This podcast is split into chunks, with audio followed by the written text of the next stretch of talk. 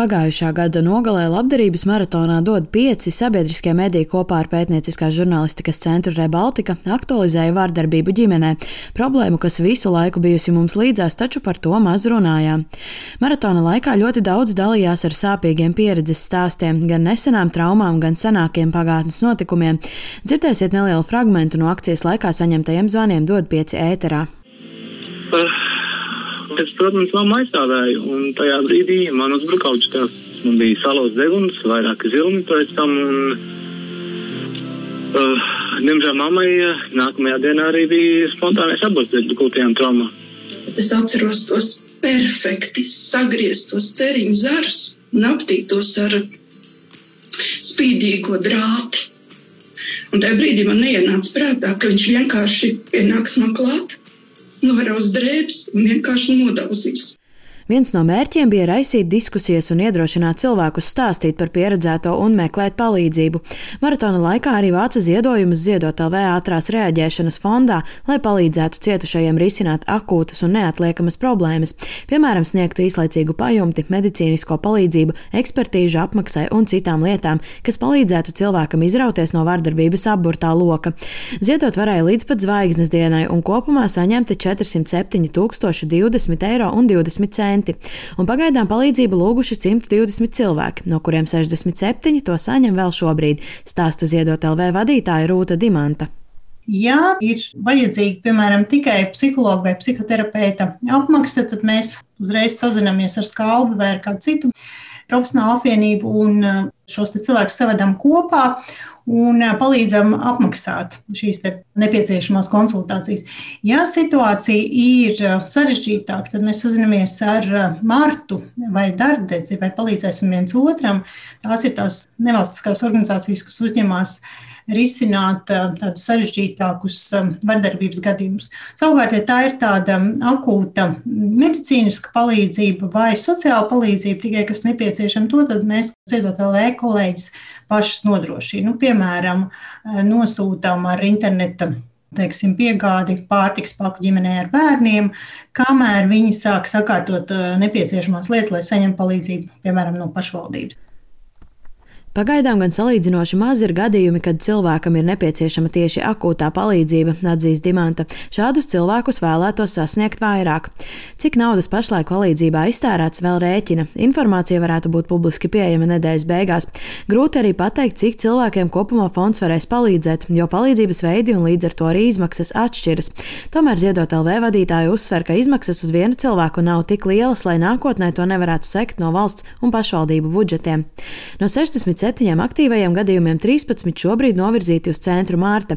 Tur viena vieta var saņemt gan psiholoģisku, gan sociālu, gan juridisku atbalstu. Kopš maratona strauji pieaudzis saņemto zvanu skaits centra palīdzības tālrunī, tiek saņemti par piekdaļu vairāk zvanu.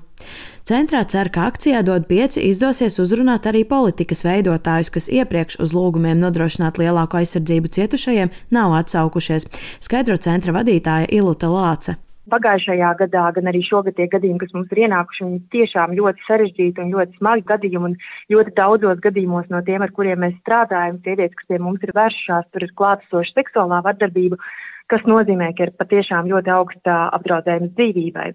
Nu, kaut vai piemēram, viena lieta, ka, lai saņemtu valsts atbalstu, kas nenosaka visu cietušā rehabilitāciju, ir nepieciešams dot savu vārdu, uzvārdu, personas kodu, kas aiziet noteiktās sistēmās, sociālos dienestos, bet ļoti daudziem cilvēkiem tas ir ļoti riskanti. Lai piekļūtu labdarības maratona saziedotajiem līdzekļiem, sistēma ir citāda. Personas dati tiek aizsargāti, un katram palīdzības saņēmējam piešķirts kods, lai varētu nodrošināt anonimitāti. Viena no problēmām Latvijā ir krīzes dzīvokļu nēsamība. Līdz šim viens šāds dzīvoklis bija centra Marta, taču maratona laikā daži iedzīvotāji piedāvājuši šādam mērķim arī sev piedarošus mitekļus. Līdz ar to otrs dzīvoklis šobrīd jau tiek labi iekārtots, un iespējams drīzumā būs arī trešais. Tikmēr centrā skalbes pērn pamatīgi pieaugusi krīžu tālruņa noslodze, turpina biedrības direktore Zana Avotiņa. Zvanīja vairāk cilvēku, kas informēja un dalījās ar to, ar ko viņi ir saskārušies. Jo es domāju, tas maratons ļoti labi palīdzēja cilvēkus iedrošināt, runāt par tām savām grūtībām, Es domāju, ka daudziem ir ļoti arī pieņemams tas veids, kā anonīmi var vērsties, un tev nav jāstādās priekšā, bet arī mirklī saņemt kaut kādu šo te atgriezenisko saiti no krīzes tālruņa konsultanta. Viena no labajām tendencēm ir tā, ka cilvēki arvien biežāk meklē palīdzību arī senāk piedzīvotas vardarbības gadījumos. Nevalstiskajās organizācijās pēc labdarības maratona palīdzību lūdza arvien vairāk cilvēku, tikmēr atšķirīgu situāciju rāda policijas dati.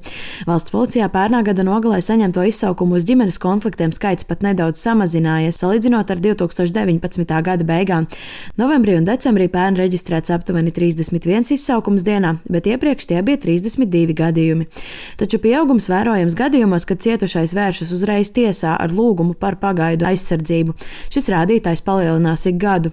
Arī Rīgas pašvaldības policijā izsaukuma skaits gada nogalē nav palielinājies, kāpēc tā skaidro pašvaldības policijas pārstāvis Staņislavs Šeiko. Šī gadījumā tas būs tikai mans pieņēmums. Cilvēki negrib iesaistīt policiju, jo baidas, ka tas kaut kāda veida varētu ietekmēt ģimenes budžetu, kas arī šobrīd jau ir ierobežots un meklē palīdzību pie nevalstiskām organizācijām, nebaidoties, ka, ka būs uzlikts kaut kāds sots. Kaut gan šī gadījumā tie sodi netiek likti, jā, bet policija dažreiz tiek uztverta kā tāds soda līdzējs. Nevalstiskajām organizācijām viedoklis par šo ir dažāds. Starp variantiem ir arī policijas versija, kā arī zema uzticība likumsargu darbam. Turklāt policistiem reizēm esot sarežģīti uz vietas situāciju izprast. Biedrībā Kalbis uzskata, ka cietušie vairāk ziņotu policijai, ja varmākam būtu paredzēts stingrāks sots, jo bieži vien upuri baidās no atkārtotas vardarbības ziņošanas gadījumos. Dažāda veida juridisko palīdzību cietušajiem sniedz juridiskās palīdzības administrācijā. Arī tur pēdējā laikā pēc atbalsta vēršas vairāk cilvēku, taču to, vai pieaugums būs nozīmīgs, varēs redzēt tikai vēlāk, ņemot vērā, ka juridisko palīdzību bieži vien vajag tikai pēc kāda laika, piemēram, kad persona atzīta par cietušo krimināla procesā, skaidro administrācijas juriskonsulta Ilona Bērskalne. Personas, kas ir cietušas no vardarbības, juridiskās palīdzības administrācijā, var vērsties gan gadījumā, ja viņai ir nepieciešama tiesas aizsardzība, ja viņai jāvēršās tiesā ar pieteikumu par pagaidu aizsardzību no vardarbības, vai arī gadījumā, piemēram, ja šī pagaidu aizsardzība jau ir noteikta ar tiesas lēmumu, bet tiesas vienmēr nosaka kādu laika periodu, kurā ir jāatceļ kāda prasība pret varmāku, lai tā pagaida aizsardzība tā kā būtu spēkā līdz strīda risināšanai beigām, kamēr stāsies tiesas spriedums. Un arī šādā stadijā var pie mums vērsties Atgādinām, ka gan cietušajiem, gan vardarbības veicējiem ir iespējas lūgt akūtu palīdzību, gan labdarības maratona dod pieci vietnē aizpildot palīdzības pieteikumu. Tāpat var vērsties policijā, centrā Mārta vai citās nevalstiskajās organizācijās. Lai efektīvāk varētu cīnīties pret vardarbību ģimenē, sabiedriskie mediji kopā ar pētnieciskās žurnālistikas centru Rebaltika ir apkopojuši vēstulē dažādas būtiskas izmaiņas valsts politikā. Vēstulē ir nosūtīta atbildīgajām ministrijām un saimai. Rēģējot uz to, šodien darbu sāks speciāli veidota darba grupa pie frakcijām nepiedarošās deputātes Andas Čakšas vadībā. Nevalstiskās organizācijas skaidro, ka pats svarīgākais sākotnēji būs saprast, vai politiķi problēmu pietiekami labi izprot. Par sēdē runāto stāstīsim arī ziņu raidījumos pusdiena un apskats. Paula Dēvica, Latvijas radio.